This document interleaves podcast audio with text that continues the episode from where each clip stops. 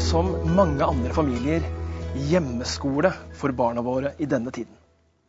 Og denne uka så har seksåringen lært om påskefortellingene fra Bibelen. Og blant dem er fortellingen om palmesøndag. Og Jeg husker godt fra min egen flanellografbarndom at denne historien om palmesøndag var selve høydepunktet i søndagsskoleåret. For dette er en av de aller mest fargerike historiene vi har i Bibelen. Når Jesus rir inn i Jerusalem og får en kongelig mottakelse med jubel, hyllest og folkefest. Ja, det er som om det er 17. mai og OL på Lillehammer på én og samme tid.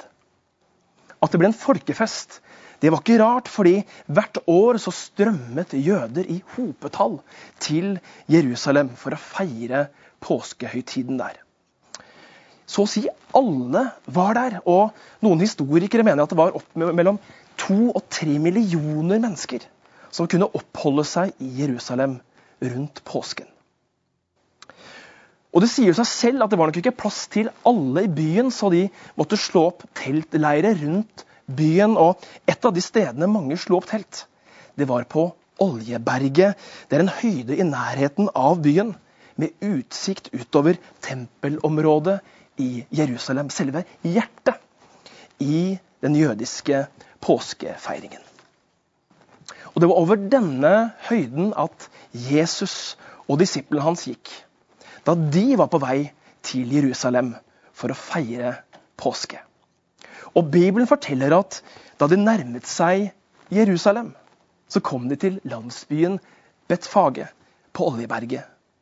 Da sendte Jesus disiplene sine av sted med denne beskjeden. Gå inn i landsbyen som ligger foran dere.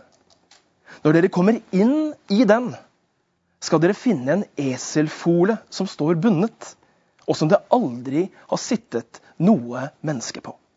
Løs den og lei den hit. Og om noen spør dere hvorfor løser dere den, så skal dere svare Herren har bruk for den. De to gikk av sted, og de fant det slik som han hadde sagt.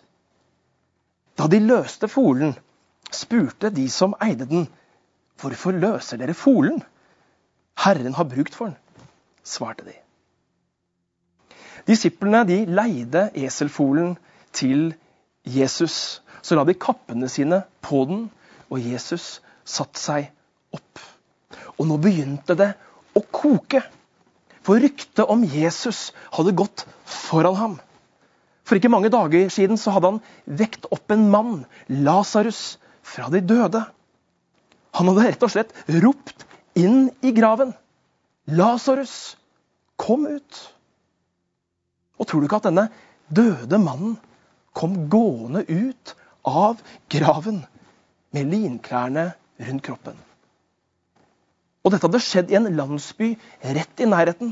Så nå var folk samla for å se denne mannen som helbredet syke, ja, til og med vekket døde. Lukas forteller videre.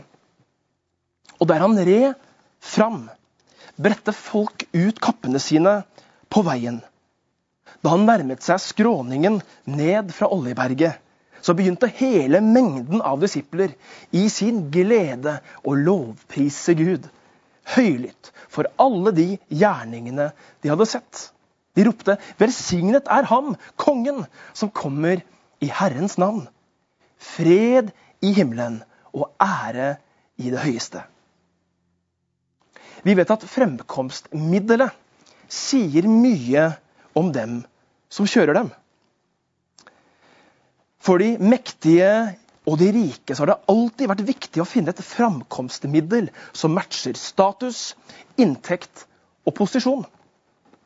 Derfor får vi nok aldri se vår egen konge vise seg offentlig i en Toyota Yaris eller en Nissan Leaf. Nei, fremkomstmiddelet det reflekterer dem som kjører dem. Og Sånn var det også på Jesu tid. De hadde selvfølgelig ikke motoriserte kjøretøy som vi har i dag, men de hadde dyr, og ulike dyr hadde ulike funksjoner og ulik status. Så f.eks. hesten. Hesten var for statsmenn, konger og krigsherrer. Det var grasiøs, sterk og rask på samme tid. I dag kanskje sammenlignbar med en svart Mercedes med sota ruter. Så hadde du kamelen. Det var for transport og karavaner. Den var sterk, utholdende og billig i drift. Og med dyreverdens kanskje aller laveste vannforbruk per kilometer. I dag kanskje sammenlignet med en semitrailer. Men eselet Eselet det var et anonymt pakkdyr til hverdagsbruk. Det var et vanlig dyr. Det var et enkeltdyr og et litt tåpelig dyr. De blir ikke særlig populære pga. det strømlinjeformede designet eller kjørekomforten. Men fordi de var praktiske og billige, i dag kanskje sammenlignet med en litt tilårskommen Volkswagen Caddy med grønne skilter.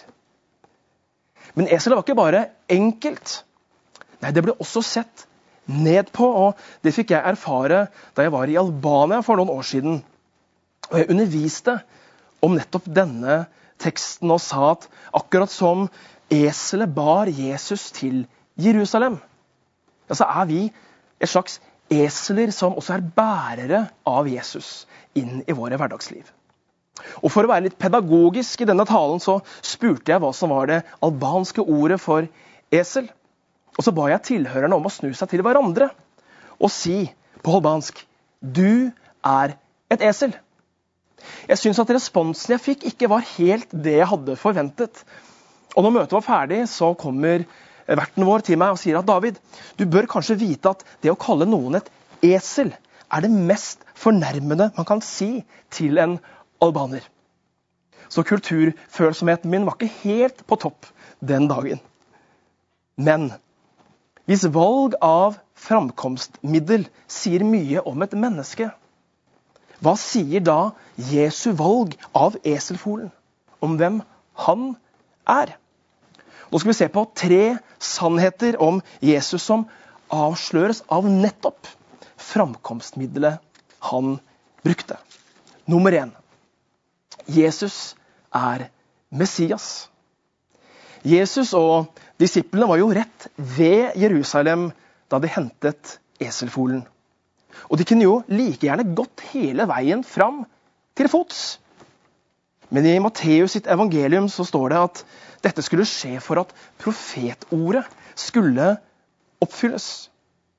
Jesu noe utradisjonelle valg av framkomstmiddel var langt ifra tilfeldig. Nei, det var i tråd med eldgamle profetier. Hør bare hva profeten Zakaria sa 500 år tidligere. Bryt ut i jubel, datter Sion. Rop av glede, datter Jerusalem.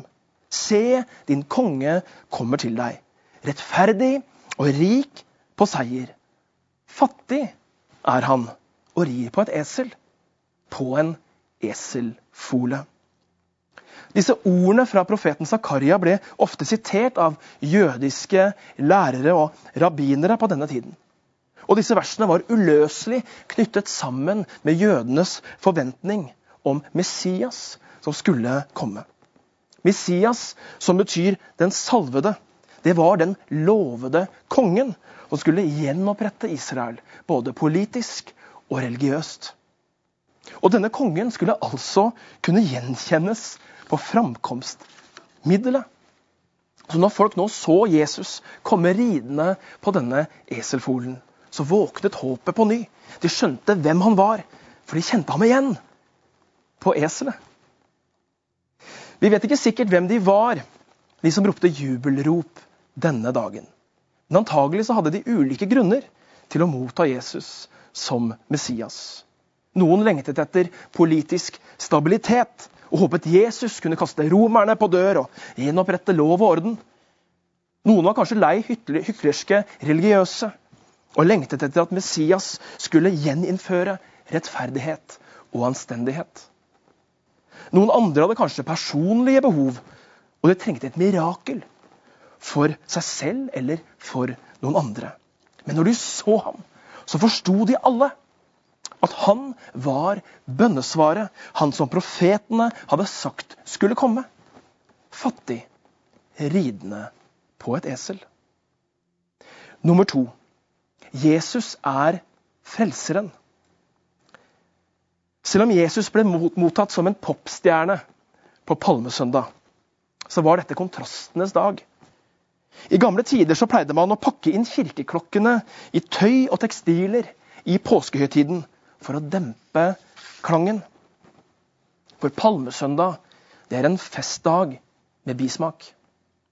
I første Mosebok så leser vi om hvordan eselet frakter Isak et stykke på veien til det stedet der han skulle ofres av sin far Abraham. Heldigvis så grep Gud inn og forhindret at nettopp det skjedde.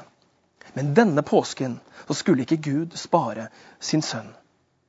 Men også denne gangen så var det et esel som fikk oppgaven med å bære offeret en del av veien. Jeg vil tro at Jesus mottok folkets hyllest med en viss fatning. For han ante nok at jubelropene på palmesøndag snart skulle kveles av folkets taktfaste rop på langfredag. Korsfest, korsfest, korsfest. I påsken så ofret jødene påskelammet til minne om at de ble frelst fra slaveriet i Egypt. Men Jesus hadde ikke kommet til Jerusalem for å ofre påskelammet denne påskehøytiden. Nei, han hadde kommet fordi han selv var dette offeret. Og han oppfylte dermed det døperen Johannes hadde sagt om ham, at se Guds lam, som bærer verdens synder. Nummer tre. Jesus er fredsfyrsten. Mange konger har ridd inn i Jerusalem både før Jesu tid og etter Jesu tid. Og De fleste av dem har forårsaket krig, kaos og konflikt. Og mange har kommet ridende på høye hester og med buldrende vogner og spisse våpen. Derfor var det ikke rart at mange jøder også forventet at Messias skulle komme på samme måte med pomp, prakt og makt. Men Jesus han passer aldri til våre forventninger. For det var neppe et staselig eller et imponerende syn der Jesus red, eller skal vi si, humpet nedover Oljeberget på denne eselfolen. For det var heller ikke et erfarent esel, men det var en fole som ikke hadde blitt ridd av noen før. En fole som har brukt det meste av sitt liv på å være bundet til en stolpe og stirre inn i en vegg. Nå fikk den oppdraget å bære fredsfyrsten på ryggen. Antagelig var den både ustø og tynget der den langsomt bar Jesus fram til Jerusalem. Ingen som red på en eselfole, kom for å lage bråk. Det er snarere tvert imot. Med valget av dette framkomstmiddelet så sto det skrevet 'fredsfyrste' med store bokstaver på Jesu panne. Om denne fredsfyrsten sier Zakaria jeg skal gjøre ende på vognene i Efraim og hestene i Jerusalem. Krigsbuen skal brytes i stykker. Han skal forkynne fred for folkeslagene. Hans velde skal nå fra hav til hav, fra storelven til jordens ender. Det hadde ikke manglet på konger i Israel, og noen var riktignok bedre enn andre, men ingen av dem hadde fullt ut klart å leve opp til forventningene og levere rettferdighet, stabilitet og varig fred. Jesus derimot, han hadde et oppdrag å opprette et evig fredsrike. Men han trengte ikke å kompensere med et flott kjøretøy eller framkomstmiddel.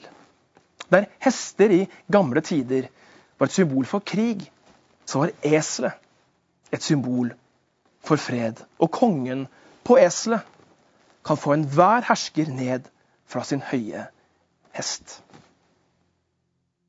Så til slutt Hva lærer Jesu valg av framkomstmiddel oss? Jo, nummer én Jesus er Messias.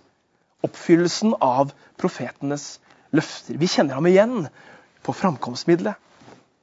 Nummer to Jesus er frelseren. Den som ga sitt liv for våre synder en gang for alle. Ydmykt båret til sin egen død og oppstandelse. Og nummer tre Jesus er fredsfyrsten. Den som fikk, det, fikk til det ingen annen konge hadde fått til. Å gi oss evig fred med Gud. Fredens konge på fredens dyr. Dette er den første påsken på flere århundrer at kristne ikke samles til påskefeiring i kirker og gudshus. Men heldigvis er ikke Jesus avhengig av tid og sted for å komme oss i møte. Nei, Jesus han kommer fortsatt ridende. Og denne palmesøndagen, som alle palmesøndager, så ønsker han å ri inn i våre liv. Og hvor enn du befinner deg, og hvem enn du er, og hva enn du har gjort, så er vår bønn at du skal få åpne ditt hjertes porter og slippe ham